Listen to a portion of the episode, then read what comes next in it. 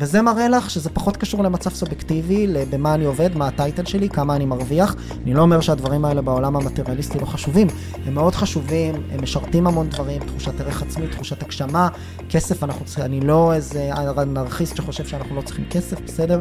אה, עדיף מה שנקרא להיות, אה, להיות עשיר ובריא מאשר עני וחולה, זה ברור לכולנו, בסדר? אבל בסופו של דבר, הרבה מתחושת הרווחה ושביעות הרצון שלנו מהחיים היא כן, היא עוברת דרך עבודה פנימית, וחשוב מאוד להבין את זה ולרוץ בשני המסלולים האלה במקביל. ככה אני רואה את החיים. ברוכים וברוכות הבאים אה, לפרק רביעי במגדל אור. היום אנחנו עם גיא קצוביץ'. אה, הולכת להיות שיחה מאוד מאוד מעניינת על עולם הסטארט-אפים, סטארט-אפיסטים, שוק העבודה, אה, יזמות, אה, מה לא, נראה לי. בוא נראה על מה נדבר, זה לא... כן. בוא נקרא, אי אפשר לדעת. אי אפשר לדעת. בסדר. אה, אבל אה, כן. אספר כמה מילים עליי. כן. גיא, 36, מתל אביב. אני משקיע הון סיכון ויוצר תוכן. אני שותף מייסד בפיוז'ן, שזה פלטפורמת השקעות לסטארט-אפים בשלבי ה pre-seed. השקענו בשש שנים האחרונות במעל ל-100 השקעות. אנחנו כנראה אחד מגופי ההשקעה הפעילים בישראל לסטארט-אפים. מעבר לזה, אני יוצר תוכן, יש לי שני פודקאסטים, אני מאוד אוהב את הפורמט, אז תודה רבה שהזמנת, וממש כיף וכבוד אה, להיות כאן בסט הקלטה המהמם הזה. אנשים, אה, מי שמאזין לא רואה, אבל יש פה צמחים ותאורה, וממש ממש כיף. אז אני מנחה שני פודקאסטים, אחד נקרא עוד פודקאסט לסטארט-אפים, שהוא פודקאסט כשמו כן הוא, על יזמות והשקעות, 300 פרקים, 3 מיליון האזנות, ועוד פודקאסט שיצאנו לדרך איתו בתחילת השנה, שנקרא אופטימייזר על צמיחה אישית, ושם אני מראיין אה, מומחים בתחומם על כל מיני היבטים בצמיחה אישית. זהו, ברקע שלי אני בא מעולמות של אה, תקשורת ועיתונות, אני מניח שגם נדבר על זה, וגם אה, עשייה חברתית, הקמת עמותות, הקמת פלטפורמות בכל מה שקשור לעשייה חברתית. ניגע בזה קצת, אני מניח, בתוך הפרק. זהו, תודה רבה שהזמנת, מתרגש להיות פה. יאללה, בוא נתחיל. יאללה. יש המון יזמים וסטארט-אפיסטים. נכון. מה האקס פקטור שאתה מחפש? כי אתה אומר, אוקיי, משלב אה, לשוני גבוה וכריזמה, ולאו דווקא ניסיון, לאו דווקא אקדמיה, אבל, אבל עדיין יש איזשהו אה, אזור אפור שאפשר ליפול בו. אה, איך אתה יודע להסתכל על בן אדם ולהגיד, אני, אני שם עליו, אני נותן בו את האמון שלי? קודם כל צריך להיות כנים, וכל פעם כשאני מדבר על הון סיכון, בין אם זה בפודקאסטים או בשיחות מקצועיות ליזמים ומשקיעים, ובין אם זה בפודקאסטים שהם, או בשיחות יותר רחבות, צריך להגיד שהון סיכון, השקעה בסטארט-אפים, זה מקצוע שסטטיסטית הוא מקצוע שאנשים שעוסקים בו נכשלים. היה לא מזמן דוח של חברה שנקראת פיצ'בוק, שסקרה 800 משקיעי הון סיכון, קרנות הון סיכון שמשקיעות בסטארט-אפים, הראתה שבערך 10% גרוסו מודו, הראו ביצועים עוטפים, על שוק ההון, זה אומר שהיה עדיף לשים שם את הכסף מאשר בבורסה או בנדל"ן. וזה אומר שרוב משקיעי הון סיכון לא מגשימים את ההבטחות המצופות מהם. אז כשאת באה ומראיינת משקיעי הון סיכון כמוני, צריך להגיד, גם אני משקיע הון סיכון, אני אומר את זה בענווה, ויש סיכוי טוב שבעוד 10 או 15 שנים נסתכל על התוצאות ונראה שהם לא extraordinary. אני כמובן מקווה אחרת, מבטיח אחרת למשקיעים שלי ועושה את כל המאמץ כדי שזה יקרה. יש לי conviction גבוה בעצמי, כי גם אני מושקע בקרן שלי, אז שמתי שם כסף, אז אני מקווה שזה יצליח, אבל צריך להגיד שיש סטטיסטיקה, וכמו בזוגיות, נכון, ש-50% כן. הם מתגרשים, וכל השאר או אומללים או בוגדים, אבל לא, אנחנו נהיה מאושרים לנצח, אז אותו דבר, אה, יש לנו איזה הטיית אישוש, הטיית אשרור כזו כלפי עצמנו. אז זה לגבי ההשקעות באופן כללי, וזה עונה... על החלק הראשון של השאלה שלך, של איך מוצאים, רוב המשקיעים חושבים שהם מוצאים, אפרופו תחושת בטן, אבל לא מוצאים. בסדר? אנחנו בסוף uh, מסתכלים בעיקר בעיקר על הצוות, אני חושב שרוב המשקיעים ייתנו את התשובה הזו, ומחפשים, כמו שאמרת, אה, איכויות אנושיות. אם אני היום פוגשת סטארט-אפיסט או יזם שעומד מולי, ויש התנגשות ערכים מאוד בסיסית. אני יכולה להגיד לך בתור אה, בעלת עסק או מנהלת לקוחות, לפעמים אני פוגשת לקוח שהוא נראה לי מיזוגן או שוביניסט, ואני אומרת, אני איתו לא אוכל לעבוד, או אני איתו... עכשיו, יש כל מיני דברים, אתה דיברת קצת על המטה, ועל ההתנהלות ועל הכוס נכון. מים. יש משהו שהוא אצלך... אם אני אשקיע במישהו שיש לו... אתה אומר, הוא מדבר איתי, אבל אני... אני לא יכול לתת, כאילו, אין לזה מקום בעולם הערכים שלי. אז אני חושב שצריך להפריד, אני חושב שגם כאן, אפרופו אה, שיחה על תודעה, אני חושב שצריך להפריד בין ערכים... לווייבים, אה, אה, וגם אה, מה אנחנו, למה אנחנו קוראים ערכים, בסדר? אז, אז אני שנייה אפרק את זה ואני אענה. קודם כל התשובה הישירה היא כן, ברור שיש אנשים שאנחנו לא נשקיע בהם. קודם כל, כי הם לא מספיק טובים, או השוק לא מספיק טוב, או המוצר, זה ברור. דבר שני, אנחנו משתדלים מאוד, לפעמים אנחנו מפספסים כמו כולם, אבל ברוב המקרים, 99.9% מהמקרים, אנחנו, we don't invest in assholes, בסדר? כאילו, אני לא רוצה לעבוד עם אנשים לא נחמדים. אנחנו בפיוז'ן נותנים צ'ק ראשון של 150 אלף דולר ותוכנית מאוד מעמיקה לכל יזם שמקבל מאיתנו צ'ק, ועובדים בצורה מאוד אינטנסיבית עם היזמת והיזם. אז אני לא רוצה להגיע למצב שבו אני עובד מאוד צמוד עם מישהו שאני לא מתחבר אליו כפרסונה, כבן אנוש, שלא בא ללמוד, שלא בא לעבוד איתי ביחד וכדומה. זה בגדול, ואני שמח להגיד שרוב הזמן, אם לא כל הזמן, יוצא לנו ממש טוב. אז זה בצד הזה. לגבי הערכים, אני חושב שצריך להפריד בין ערכים לעמדות, בסדר?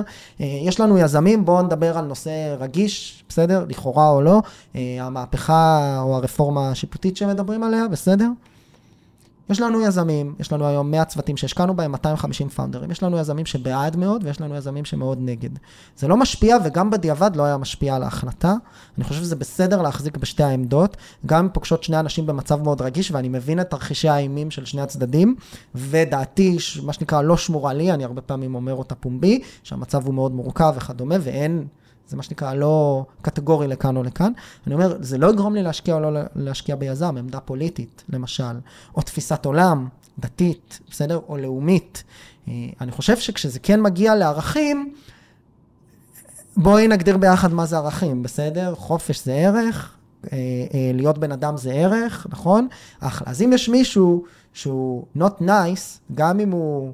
מגדיר את עצמו כליברלי ברמה הפוליטית, בסדר? ומשתייך אה, לתל אביבים הליברליים הטובים, וכולנו מכירים כאלה, אז כנראה שאני לא אשקיע בו, וזה לא קשור בכלל אה, למוצאו האתני או הלאומי. לקח אותי למקום אה, מאוד אה, פוליטי נפיץ, אבל... אה, בבקשה. אבל זה פשוט מעניין אותי ברמה האישית. בטח. מה אני עושה עם uh, מתנחלים, התנחלויות, uh, כאילו כל מיני BDSים מהעולם ברמת ההשקעות, שאני אומרת, אוקיי, יש לי סטארט, אני עכשיו, יש לי פיץ של מתנחל, והוא לא- באג'נדה לא, שלו. אז אני לא יודע מה העמדות שלך, אני, אני, אני חושב ש... אני שעש... מביאה את זה בחשבון בשיקול, או לא. בכלל לא, לא מדברת לא. פה נטו לנו מספרים. יצא, לנו יצא להשקיע אה, גם באנשים שגרים, קראת לזה מתנחל, אפשר, זה נכון. הכל עניין של שימוש של שפה. ושוב, אני יותר, ב, ב, אני חושב שפעם, לפחות היסטורית, הייתי יותר שמאל מרכז, אפילו שמאל ממש, וככל שהזמן עובר, אני מרגיש שהמפה הפוליטית זזה לי שמאלה, אז אני היום סוג של מרכז ימין, אבל מה שנקרא, לא הצבעתי למפלגת השלטון, אה, אז כל אחד יכול להסיק אה, למי הצבעתי, כנראה יותר המרכז הכזה. אז אני רק אומר, שנייה, מתנחלים. אנחנו השקענו באנשים שגרים מחוץ לקו הירוק. אני חושב שבסוף, אפרופו מטא, אפשר לעלות קומה למעלה ולהגיד, מי קבע שזה המשקל המרכזי שאת שמה על מה, על מה שבן אדם אה, זה? אפשר גם לקבוע לפי, אני, אני, אני לא בא להמית מהטיעון, אבל אני בא ואומר, אז אני יכול לשאול של, סט של שאלות גם על מה הוא אוכל. אני רוב חיי צמחוני, אז אני לא אשקיע במישהו שאוכל בשר, או שהוא כתוגן, לא יודע, סתם זרקתי. אה, אה, אני חושבת שהמילה, שאנחנו כאילו, המילה פלורליזם, אז יש לה... אה, יותר קל לי להיות פלורליסטית במה הוא אוכל, הפוליטיקה מעוררת בי כנראה הרבה יותר רגש, וברוב האנשים, מצב חברתי, אפליה, מיעוטים, מעוררים בנו הרבה יותר רגש, אבל אני מקבלת את התשובה שלך שזה... זה לא מוטיבטור, וזה לא איזשהו מניע לכאן או לכאן, זה, מוטיב... זה משהו שהוא... זה מוטיבטור, אם אני אזהה מישהו, וזה האנשים שאנחנו מאוד אוהבים להשקיע בהם, או מישהי שהם אוכלוסייה ש... אה, מה שנקרא, בואו נגיד את זה פשוט, בסדר? בלי עכשיו איזה, שהם אנדרדוג, ולמרות היותם אנדרדוג, הם ייצרו לעצמם מסלול. לאו דווקא ליניארי של התקדמות וצמיחה כנגד כל הסיכויים. מבחינתי, אפרופו מטא, זה מראה הרבה על תכונות האישיות שלהם, ועל היכולת שלהם to overcome obstacles, להתגבר על אתגרים, ומבחינתי זה ולידציה מאוד מאוד חיובית, בסדר? במובן הזה, להפך, אני מחפש את הסיגנלים האלה בתוך מסע החיים, ומבין שמסע החיים הוא הרבה פעמים, אגב, צריך להגיד את זה, הוא נסיבתי, הוא קונטקסטואלי, אנחנו מאמצים את הדעות אה, של חברים שלנו, ושל אנשים שגדלנו, ושל מה ששמענו, ושל מה שמגניב ומקובל. זאת אומרת, זה, זה מה שנקרא, גם הדעות, יש אבולוציה של דעות, יש אבולוציה של רעיונות, והיום יש רעיונות מסוימים שמאוד מקובלים, בעוד עשר שנים יהיו רעיונות אה, אחרים, ולפני עשר נכון. שנים... ואנחנו נחזיק ברעיונות האלה והם ישתנו, ונסביר נכון. לעצמנו למה הם הרעיונות שמייצגים את סט הערכים שלנו. אני במובן הזה... אני במובן הזה מחפש יותר אנשים שמבינים את זה ולוקחים את זה פחות ברצינות, מאשר אנשים שנצמדים אה, ונותנים, לה, את יודעת, לעצמם להתנהל סביב איזה ערך אחד עליון. אתה מדבר הרבה על השבט. כן. ועל המעגלים. כן. ואפרופו איך שפתחנו עם השיח על uh, הכשרה, ניסיון, אקדמיה, הזדמנויות, uh, אתה מדבר על השבט הדיגיטלי נכון. ועל הישויות הדיגיטליות. Uh, תרחיב על זה טיפה, כי יש לי שאלה בנושא הזה. אני חושב שבסוף uh, מאזינות, מאזינים לפודקאסט הזה, את ואני מדברים, זה הכל uh, תמיד עלינו. ובסוף אני חושב שמה שצריך להבין זה שאנחנו, יש לנו חלק, אני אומר את זה לא בצניעות מעושה, אני אומר את זה בכוונה, יש לנו חלק מאוד קטן מהאחריות, לא מהאחריות, מהשליטה. אחריות יש לנו, אבל אין לנו הרבה מהשליטה על מה שקורה לנו. והרבה מהדברים שקורים, קורים לנו וקורים בזכות או בגלל הזדמנויות, מעשים, תרחישים שהם חיצוניים לנו. והרבה מזה קשור בסביבה שאנחנו מקיפים את עצמנו בה. החברים שלנו, הקולגות שלנו, המשפחה, האנשים שהדפוסים, תכונות האישיות, ההרגלים, המעשים, הטייטלים, המטריאליזם שלהם, והרוחניות שלהם משפיעה עלינו. ויש מחקרים שלמים בעולם הפסיכולוגיה שמראה שאם יש מישהו ברשת שלך שהוא מאוד מוצלח, או מאוד עשיר, או עם בעיות בריאות, או עם משקל עודף, או לא משנה, או בדיכאון, הדבר הזה משרשר, אפילו אם את לא מכירה את הבן אדם הזה, אלא רק מכירה מישהו דרכו, ומגדיל את הסיכויים שלך להיות כזו בעשרות אחוזים. אז החברה והסביבה שלנו משנה, ויש חשיבות להיות כל הזמן ערים. לבמה אנחנו מקיפים את עצמנו. זה יכול גם להיכנס למיקרו, לחדשות שאנחנו צורכים, לסוג הנוטיפיקציות שלנו, לאיפה אנחנו גרים, והאם אנחנו גרים בבית אה, מואר ועם צמחייה יפה, או בחדר אה, סטודיו סגור אה, במרתף, כן. במקום חשוך, בשכונה אפלולית ואפרורית. בסדר? הדברים האלה מאוד משפיעים על ה-well-being שלנו, לאורך זמן גם, כי הם מובילים לפעולות שמשפיעות לאורך זמן. אז החשיבות של השבט, היא אדירה, גם ברמה הקונספטואלית-מחקרית וגם ברמה המעשית. זאת אומרת, האנשים שסביבנו תומכים בנו, גם כשרע, ומהווים איזושהי משענת. ואנחנו יכולים, צריך שיהיה לנו אנשים שאנחנו מסוגלים לבוא ולהיות חשופים איתם ולהתייעץ איתם, בין אם זה בכלי טיפולי מסוים, כמו מטפל או קבוצה, בסדר? ובין אם זה פשוט חברים טובים או קולגות שאנחנו איתם ביחסים קרובים. ומהצד השני, בכל מה שקשור לקריירה והזדמנויות, רוב ההזדמנויות הטובות שלי לפחות, במסלול קריירה שלי, וזה מה שדיברתי עליו אה, בפודקאסט של כשיהיה גדול, באו ויצרו לי את המסלול הלא ליניארי, בגלל ששמרתי על שבט סביבי, שכל פעם בא ואמר, גיא, הנה הזדמנות בשבילך פה. בוא אולי תנסה את זה, אולי תעשה את זה, וכמובן, צריך מזל וצריך להיות טוב במה שאתה עושה, וקפצתי ואמרתי כן, וקרה מה שקרה. אז אפרופו אה, העולם הדיגיטלי. שאנחנו מתעסקים בו לא מעט, אה, והישויות הדיגיטליות והפרופילים שכל אחד מאיתנו מתחזק, שפוגשים אה, את, ה... את השבט ואת היכולת לפתוח הזדמנויות. כן. מה ה-know-how על הדבר הזה? שפשוט חייבים להתחיל להתעסק בזה ולהתעסק בזה אתמול, כי כשאתם בונים לעצמכם brand דיגיטלי, צריך להבין, לכולנו, אנחנו עכשיו יושבים ומאזינים לפודקאסט הזה, את ואני מדברים. יש לנו ישות דיגיטלית, זה literally מראה שחורה, בסדר? פרופיל פייסבוק, טוויטר, טיק טוק וכדומה, שאנחנו מיוצגים בו, אבל אנחנו לא הוא. בסדר? ויש שם איזשהו ייצוג שלנו, וברור לכולנו, ולא צריך לעשות על זה שיחה, על זה שזה לא אמיתי, ויש לזה השלכות על זה שזה לא אמיתי, ואסור לטעות לרגע שזה אמיתי. החיים קורים כאן ועכשיו, ואם מישהו לא עשה לנו לייק, זה לא באמת אומר שאנחנו לא אהובים. אבל ברור לגמרי שאם אנחנו מסתכלים על זה בצורה operational־ית, אז אפשר להשתמש בדברים האלה לטובתנו, בצורה מעשית, בסדר? ובהקשר הזה, אני מאוד מאוד ממליץ להבין איזה brand אתם רוצים לבנות באופן דיגיטלי, איך הוא אמור לשרת אתכם מול קהל היעד שלכם. חברים, קולגות, מעגל שני ושלישי של קולגות פוטנציאלי, זה יכול להגיע לעשרות ומאות אלפי אנשים לאורך זמן, בסדר? ואיזה סוג של תוכן אתם רוצים לייצר. וממליץ לבנות את ה brand הזה אתמול, כי אתם לא יודעים איך הוא ישרת אתכם מחר. מה שנקרא, every, every company is a media company, וכל אחד מאיתנו הוא החברה בע"מ של עצמו היום, לכולנו יש ישויות, הישויות האלה מייצגות אותנו, אם נבנה וננהל את הנכסים האלה בצורה נכונה, אפשר לעשות את זה היום עם אפס משאבים, זה יכול לייצר לנו הזדמנויות ולייצר לנו בידול. כשאתה פוגש אה, אותי, או פוגש יזמים, אתה עושה חיפוש ברשת אה, לראות כן, את ה... לרוב כן. ואני לצורך, אני אספר, אה, לי יש אינסטגרם, הוא מאוד פעיל, אבל הוא עוסק בעיקר בי, עושה ספורט, אה, בבת שלי, אה, ואני כמעט ולא מדברת על עבודה, זה מאוד מביך אותי. אה, גם, גם את הפודקאסט הזה, לפעמים אני מעלה שם טיזרים או דברים כאלה, אבל אני משתדלת לתת על זה טייק הומוריסטי, כאילו מהמקום של, אני מודעת לכמה שזה, זה מביך אותי. זה לא נעים לך, אז את לועגת על זה קצת כשאת מעלה את זה. לגמרי. כדי- אני, כדי- אני מסתלבטת על זה. כדי להגיד, אני מעלה, אבל אני יודעת שזה שמתי- מביך שאני מעלה. אני שמתי את זה פה, אני מרימה לעצמי, אבל תראו גם אה, שזה לא... שאני גם צוחקת על זה, כי זה באמת... אה, כן. איך אתה מסתכל על אה, ישויות דיגיטליות כאלה מהצד, או איפה... נכנסתי לאינסטגרם שלך. כן. איפה אתה מנסה לבנות דמות כזאת, או מה אתה מוצא בדמויות בחוץ שאתה חושב שהן עושות את זה טוב?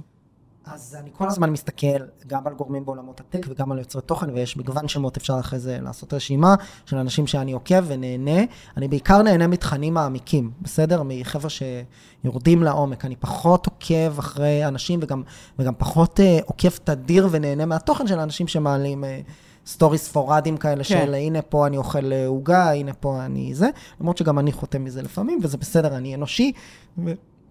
סליחה, זה הגיוני.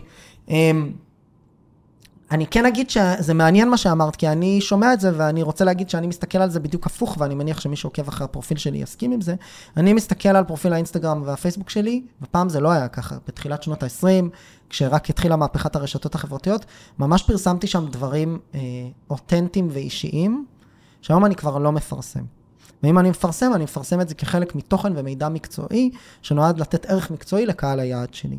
והסיבה היא שהפסקתי לעבור אה, או להעביר או להשתמש ברשתות החברתיות ככלי שיתופי עבור אה, איזשהו מיקוד שליטה חיצוני שלי ורצון לקבל ולידציה. ברור שאני נהנה מלייקים וברור שאני נהנה מהתגובות וכדומה, אבל מבחינתי זה לא המרכז. מבחינתי זה כלי שיווקי מקצועי. ואני מסתכל על הפרופיל שלי, תיכנסו לאינסטגרם או לפייסבוק שלי, תראו בעיקר פוסטים על חברה שגייסה, והקרן שלנו, ואירוע שעשינו, ופודקאסט שהעלינו וכדומה, והתכנים האלה עוסקים או במיילסטון והישגים שקשורים למקצועי, או בתכנים מקצועיים שהקלטתי, שערכתי או שכתבתי. אין שם הרבה מידע על החיים האישיים, על המשפחה, על ההיסטוריה, על הרקע הנפשי, לא רקע נפשי קליני, אבל כאילו מה שנקרא, כן, על, נבחי. על נבחי נפשי ומצבי רוחי, ואני לא מעלה כמו, שוב, לא ראיתי את הפרופיל שלך, אז אני מתנצל אם את עושה כזה דבר, כן, זה לא, אין בעיה עם זה. קמתי בבוקר ואני נורא שמח, או נורא מבואס וכולי, זה בקושי, בקושי עולה, אם בכלל, כי אני מטפל בעצמי ומשתף את הסביבה הקרובה שלי, וגם מצאתי את הסביבה הטיפולית שלי, שגם על זה אני אוהב מאוד להתייחס ולדבר ולהפיץ את הבשורה על זה. ומבחינתי הכלים האלה הם, הם כלי, כלים מקצועיים, כלים ל networking, ואני משתמש בזה באופן consistent־י, בשביל זה גם העקביות פה מאוד חשובה. לא רק לייצר תכנים ולייצר תכנים טובים שאתה מתחבר אליהם, אלא גם לעשות את זה באופן עקבי. כדי לייצר לעצמך את הקהל, את השבט שהוא שלך, שיודע מה הוא מקבל ממך.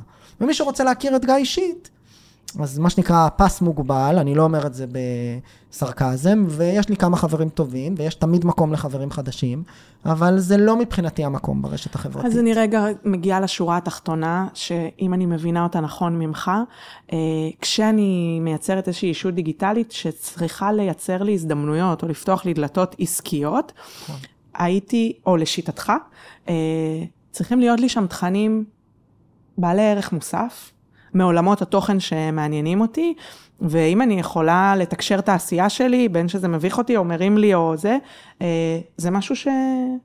אני חושב שאין בעיה עם זה. אני חושב שבמקרה שלך, אם, אם אפשר להגיד, וכיף. הייתי אומר אה, בפשטות, just own it. זה משהו שאת עושה, הוא נותן value לאנשים.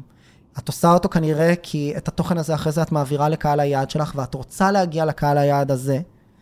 אז אין בעיה להעלות את התכנים האלה פעם בשבוע או שבועיים או פעמיים ב...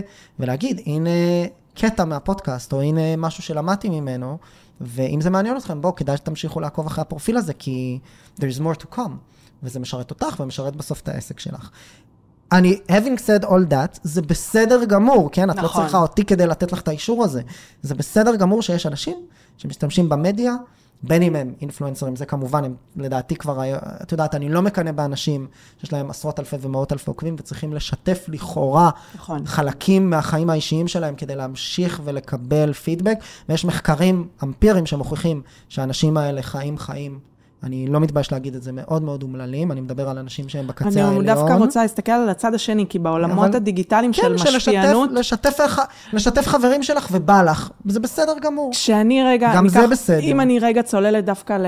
כאילו, פתח סוגריים, אינפלואנסרס, אז כן. האינפלואנסרס המצליחים ביותר, לא יודעת איך החיים האמיתיים שלהם באמת נראים אומללים או מאושרים, אבל הם מצליחים יותר אם הם נותנים לי הצצה לח- לחיים שלהם ומנגנים אצלי על יצר של מציצנות וחטטנות. נכון, כמה שיותר חשוף וטיפה אפילו מצליח פרובוקטיבי, ואפילו פרו- מאשר שהם רק היו מתקשרים לי את העשייה שלהם. נכון, ואפילו קצת יותר פרובוקטיבי, ולא מעניין אותנו, אה, אני, אני אתן בכוונה דוגמה, לא מעניין אותנו, וזה לא משנה מה טוב, מה לא טוב, כל אחד יחליט לעצמו. יועץ ההשקעות שבא ומסביר לנו על מדדים ועל מניות, ועל מה ההבדל בין זה לבין אגרות חוב, ואיך נראה שוק ההון, ומה הסיכוי הסטטיסטי, נכון. הסטטיסטי שלנו אה, אה, לנצח את השוק, ומדבר איתנו לעומק על הדברים, זה כבר עניין של מה שנקרא אה, רידוד המסרים, זו תופעה שקורית, הרבה יותר מעניין אותנו לשמוע על יועץ השקעות, שנותן לנו טסלה בחינם.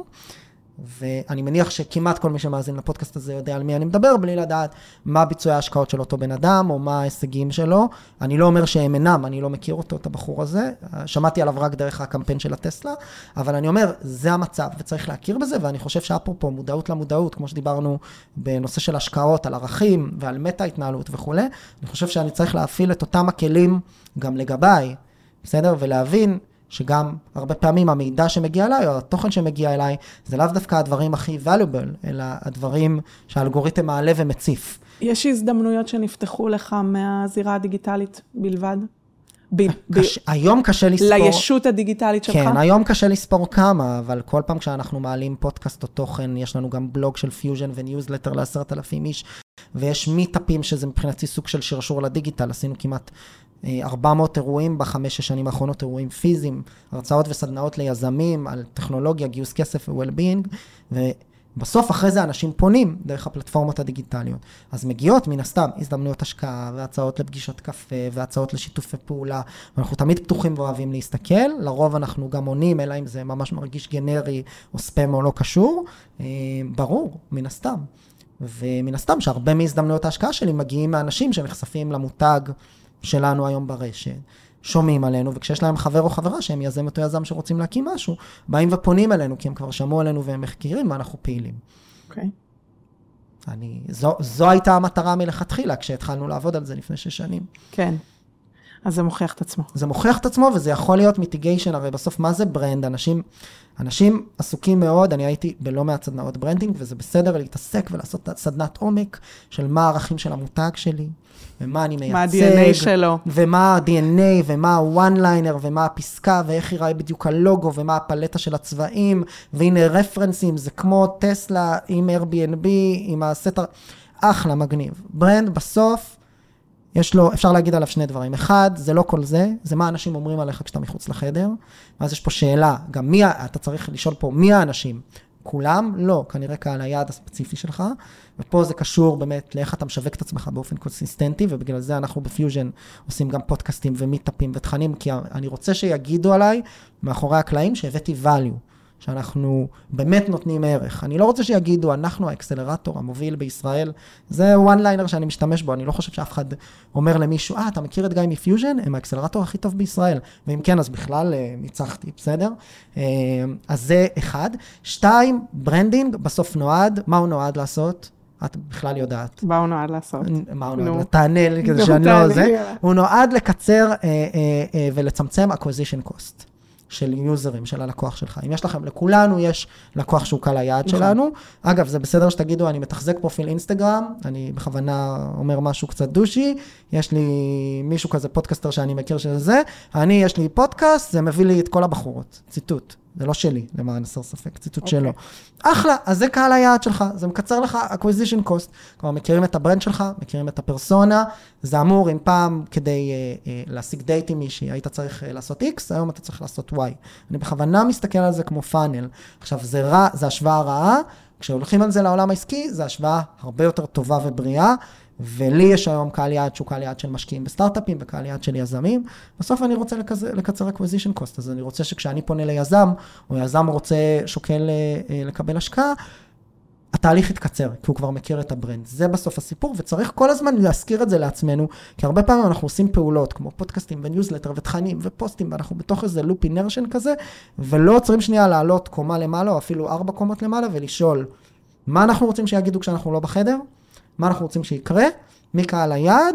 ומה, מה, כאילו, שאנחנו רוצים לקצר עליו acquisition cost, ואז מתוך זה לעשות את האיך. אה, חשוב מאוד. של הזירה הדיגיטלית, יש אה, חלק מאוד מאוד משמעותי בדבר הזה, בעידן הנוכחי. חלק מאוד מאוד משמעותי. זה דרך, אנחנו שחקן היום קטן בשוק ההייטק, צריך להגיד את זה. אנחנו קרן קטנה של 20 מיליון דולר, מנהלים סך הכל כמעט 30 מיליון דולר, אמנם עשינו הרבה השקעות, אנחנו מאוד פעילים, ובאמת יש לנו, כמו שאמרת, brand בדיגיטל שהוא בכל מקום, אבל הצלחנו לעשות את זה באמצעות הדיגיטל. באמצעות, ולהילחם או להתחרות בקרנות ובשחקנים שנמצאים פה כבר עשרות שנים. אה, ולייצר brand, לפחות ב brand אני אומר, שאנשים מדברים עליו ושומעים עליו לא פחות מעל השחקנים הגדולים. מה אתה אומר לעצמך כשאתה קם בבוקר ליום גרוע? או אחרי משהו ממש מבאס שקרה לך? אה, או עסקה שרצית לא יצאה לפועל, או איזשהו משבר שאתה... ואתה אומר, בואנה, דיברת קצת, האמת המשפט האחרון שלך באותו פרק היה על הנושא של אה, אם אתם שואלים את עצמכם יותר מדי פעמים, אה, מה המטרה שלי בחיים, אז, אבל כולנו מתעסקים, והעשייה היא מאוד מאוד אינטנסיבית. קמים כל בוקר ואומרים, למה לא. לא טוב לי, אז אולי זה זמן אה, לעשות איזה לא, פיבוט. אז אני לא חושבת, אה, אז אני לא רוצה לשאול אה, מה אני עושה כשאני מתעסקת יותר מדי עם השאלה הזאת, אני רוצה לדעת, כשאני חיה את החיים האלה, ומאוד מאוד, בעצימות נורא גבוהה, עם, עם המון הצלחות וכישלונות, אבל בסוף מהכישלונות האלה אני צריכה לקום. אז אני מה אני אומרת לעצמי כדי לעבור ליום הבא ולהצליח שוב? זה מדהים שאת שואלת את זה, כי, כי אנחנו היום, אני היום בן 36, אני בגיל, אני אומר את זה תמיד, אני לא באמת מנוסה וראיתי וחוויתי הכל, כי יש עוד, אני מקווה כמה עשרות שנות, שנות קריירה טובות לפניי, אבל כבר מה שנקרא, אני 12 שנה בעולם הקריירה האזרחי, כי לא למדתי ולא טיילתי, ולפני זה הייתי 6 שנים בצבא, אז ראיתי קצת. ומעבר לזה, חברים שלי ואני, כל מי שהיה איתי בתיכון או בחטיבה ובצבא וכולי, אנחנו חבר'ה שמה שנקרא עוברים, אה, עוברים איזשהו מסלול וחלקו מקבילי וביחד, כי אנחנו עדיין שומרים על קשר. אז אני היום יכול לראות איך רצף של קבלת החלטות, מעשים ואמירות של חברים שלי שלפני עשר שנים או עשרים שנה אמרתי, מה זה, איך הם חושבים ככה, או איך הם חיים ככה, איך הם פועלים ככה, היום אנחנו רואים את התוצאות.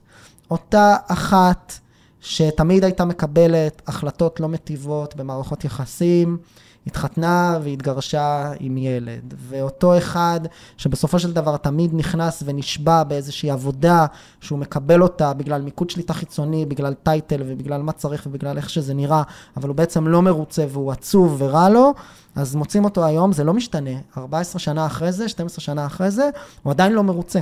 והוא היום בעבודה שנחשבת מאוד, ועושה המון כסף, והוא התקדם מאוד כלפי חוץ, את תסתכלי עליו, אתה רוצה להביא אותו לפודקאסט הזה.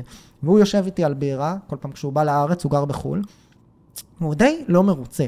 ומה שאני מנסה להגיד זה שנכון, אנחנו צריכים כל בוקר לקום ולשאול את עצמנו האם טוב לנו או לא טוב לנו, ואם התשובה, זה סטיב ג'ובס אמר לא גיא, ואם יותר מדי פעמים אנחנו מרגישים שלא טוב לנו, אולי כדאי לעשות שינוי פיבוטלי בחיים שלנו, אבל אולי, והצד השני של זה, זה גם לשים לב למהי מערכת קבלת החלטות שלנו, כמה היא מונעת ממיקוד שליטה חיצוני ומדוגמה, ממה אנשים יחשבו עלינו וממה נראה לנו שנכון כלפי חוץ, לעומת מה טוב לנו.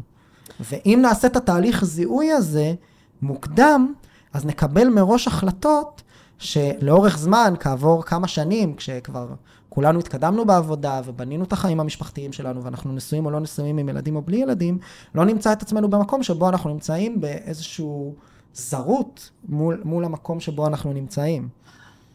אני מרגישה שאנחנו חיים בעולם אה, שה key factor שלו הוא מוטיבציה, ואיזשהו drive פנימי. כן. אפרופו כל הפתיח שלנו, על, אה, על יזמות, על סטארט-אפיסטים, כן. על עולמות הפרילנסרים, על אנשים, על ג'וניורים, כאילו, כן. מה, איזושהי אש צריכה לבעור בתוכי, וכשאני מזהה אנשים שיש להם אה, את, ה, את הפקטור הזה, אבל ב-level נמוך יותר, אני רואה כמה הם מאותגרים, אה, כאילו, לשרוד את, את, את, ה, את היום-יום, את שוק העבודה וכולי. אני שואלת במקום הזה, אה, כשאני צריכה לייצר מוטיבציה, בעולם שיש בו המון המון אתגרים, ואני חווה כישלונות כיזמית, כסטארט-אפיסטית, אה, כעצמאית, וחווה אותם יום-יום, צריכה לקום בבוקר ולהגיד, עדיין יש לי את הדרייב לעשות את זה. אז זה קשור הרבה, אז מנגנון שאני אוהב להשתמש בו זה מנגנון של דיבור פנימי, זה גם מנגנון שאני עובד עליו במסגרת התהליך והמסע האישי שלי.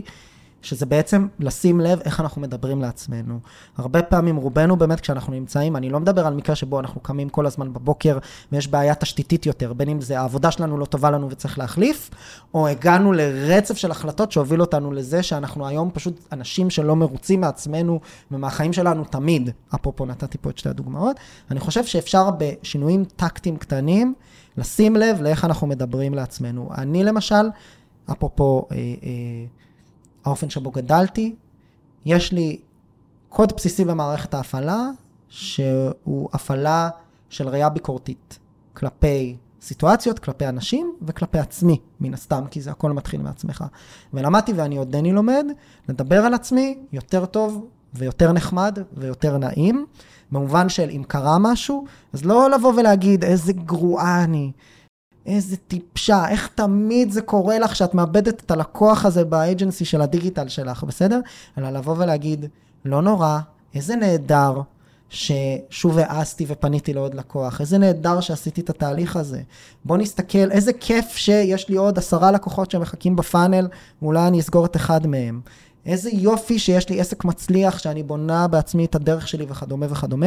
יש המון דברים שאנחנו יכולים להגיד, האימונים הקטנים האלה נשמעים טיפשיים, אבל לאורך זמן זה נעשה לטבע שני, וזה ממש משנה את ה mindset שלנו, את האופן שבו אנחנו מסתכלים על העולם. זה בא אצלך רק מבפנים. אני לפעמים יכולה להתקשר לחבר טוב שלי, ולספר לו משהו גרוע שקרה לי, ולהגיד לו, אני צריכה שתרים לי.